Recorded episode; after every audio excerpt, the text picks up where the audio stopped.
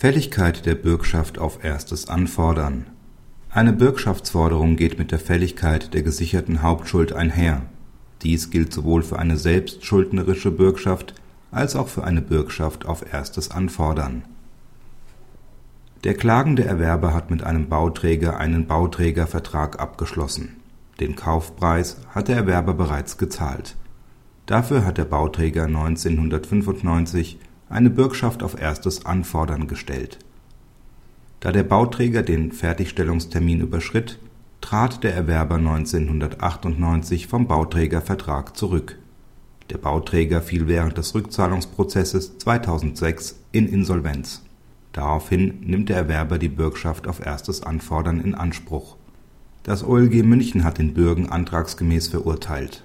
Der BGH weist die Klage dagegen ab Während das OLG München argumentiert hatte, dass jedenfalls eine Bürgschaft auf erstes Anfordern erst mit der Inanspruchnahme des Bürgen fällig wird, stellt der BGH klar, dass dies nicht der Fall ist. Auch die Fälligkeit einer Bürgschaft auf erstes Anfordern richtet sich nach der gesicherten Hauptforderung.